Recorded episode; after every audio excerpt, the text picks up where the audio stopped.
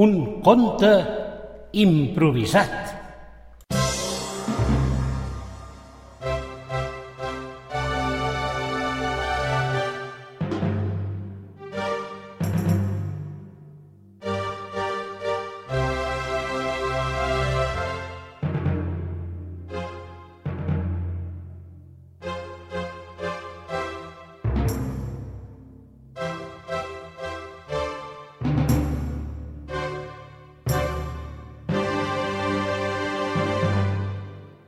Això era un noi que li agradava construir coses.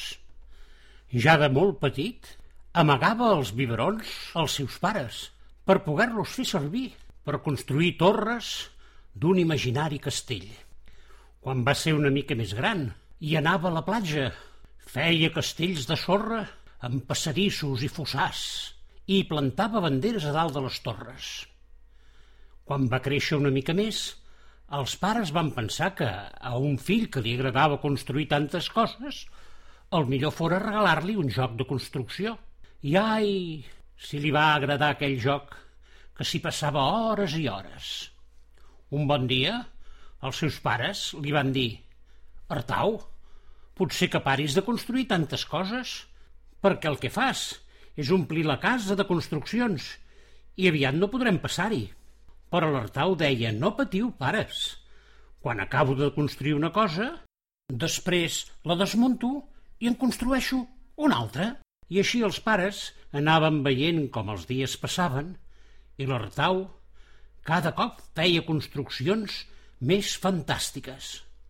Fins que un bon dia li van preguntar «Artau, què estàs construint?» I l'Artau molt seriosament els hi va dir estic construint un roquefort. Els pares van quedar molt sorpresos. Mai havien sentit aquesta paraula. Un roquefort. I què deu ser un roquefort? I l'Artau els hi va dir i com voleu que us ho digui si encara no l'he construït? Però estic construint un roquefort.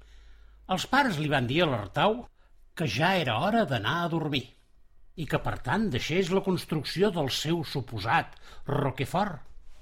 L'Artau els hi va demanar que li deixessin una estoneta més. Quan acabés de construir la darrera torre del Roquefort, aniria de seguida a dormir. Els pares estaven molt cansats aquell dia. S'havien passat tot el dia treballant, s'havien passat tot el dia cuidant els seus fills, netejant el jardí, la casa, preparant rentadores, fent el dinar, fent el sopar... Estaven tan cansats que es van ficar al llit i es van quedar ben adormits i no se'n van adonar que l'Artau s'havia quedat allà a la sala construint el seu misteriós Roquefort. A l'endemà, quan es van despertar, van cridar a l'Artau «Artau, desperta el teu germà i veniu a esmorzar!» Però l'Artau no va contestar. Aleshores van cridar «Guiu, que has vist a l'Artau?» I el Guiu tampoc va contestar. De seguida van anar a la seva habitació i van veure que no hi eren. El Guiu i l'Artau havien desaparegut. Van començar a buscar per totes les habitacions de la casa. Van entrar fins i tot al bany, van pujar les golfes, van baixar al soterrani i no van trobar ni el Guiu ni l'Artau. Aleshores el pare va dir «Segur que han sortit al jardí a jugar. Anem a buscar-los al jardí» però quan van obrir la porta de la casa es van trobar una gran paret que no els deixava sortir. Què és això? va dir el pare. No ho sé, ahir no hi era. Fixa't, sembla la construcció que estava fent l'Artau. Com va dir que es deia? Ah, sí, Roquefort. Sembla talment com les fitxes del seu joc de construcció. Ja és ben estrany. No hi havia manera de poder sortir de la casa. O potser sí, hi havia un lloc on es podia passar de quatre potes. El pare i la mare van decidir passar-hi i a mida que anaven avançant anaven descobrint nous camins. Era com un laberint que havien construït l'Artau i el seu germà Guiu i que anomenaven el seu Roquefort. Artau, Guiu! cridaven els pares desesperats mentre anaven arrossegant-se pels milers de passadissos que hi havia dins aquella magnífica construcció, fins que al punt van sentir una veu que deia «Som aquí, al centre del Roquefort!» L'has sentit? Són ells que ens estan cridant. I aleshores la mare va dir «Digueu-nos, per on hem de passar?» I l'Artau i el Guiu els hi van dir «Heu de creuar un pont, després pujar les escales, després baixar pel tobogan, en acabat creueu el llac i quan hàgiu creuat el llac trobareu cinc portes. Heu d'escollir la porta que vulgueu per poder arribar fins al centre, però alerta, si escolliu una porta equivocada, tanmateix us podeu tornar a trobar un altre cop dins de casa. I així ho van fer. El pare i la mare de l'Artau i el Guiu vinga arrossegar-se per galeries. Després van trobar passadissos estrets, molt estrets, que quasi no hi cabien i que havien d'amagar la panxa per poder-hi passar. Fins que al final van trobar el pont, el van creuar, van creuar el llac i van trobar cinc portes que els esperaven a l'altra banda. I ara què fem? Quina porta podem triar? I el pare i la mare ens van posar a pensar. Triarem, triarem la porta que fa cinc. I la mare va dir no, la porta que fa cinc no. I per què no hem de triar la porta que fa cinc? Perquè si hi han cinc portes vol dir que hi ha una porta per cada un dels membres de la família. La nostra deu ser la cinc i la quatre. Les altres tres deuen ser la dels nostres fills. N'hem de triar una d'aquestes. Doncs aleshores triarem la porta que fa tres. No, la porta que fa tres no, va dir la mare. I per què no hem de triar la porta que fa tres, va dir el pare. Perquè la porta que fa tres deu ser de l'Eira. Ah, doncs, triarem la porta número dos.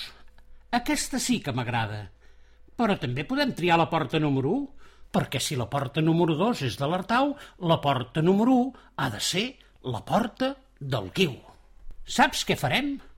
Tu aniràs per la porta número 2 i jo aniré per la porta número 1. Perfecte. Doncs així ens separem i el primer que arribi, que cridi ben fort perquè l'altre el senti. No, no, no, no farem això, va dir la mare. Saps què farem? Desfarem un capdell de llana i ens lligarem cada cap de llana a la nostra cintura i així el primer que arribi al centre del Roquefort estivi de la llana, l'altre sabrà que ha trobat el camí. I així ho van fer. Van agafar un capdell de llana, el van desfer tot, tot, tot, i cadascú es va lligar una punta del capdell de llana a la cintura. Van obrir la porta número 1 i la porta número 2 i van començar a caminar. Però no veien res, era molt fosc, molt fosc. De tant en tant apareixia una petita finestreta per on podien veure l'exterior del Roquefort. I quan miraven per aquella finestreta veien pluges i vents i tempestes, i de tant en tant també veien un raig de sol que entrava i els il·luminava.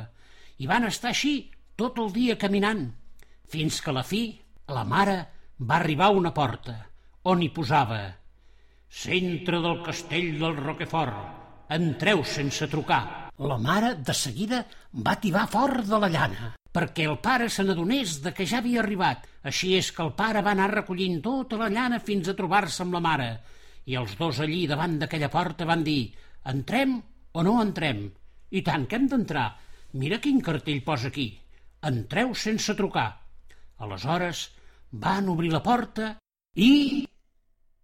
i es van trobar que estaven a l'habitació de l'Artau i el Guiu i que els dos dormien plàcidament en les seves lliteres. Això sí, al peu del llit hi havia una construcció magnífica. Era el seu castell del Roquefort.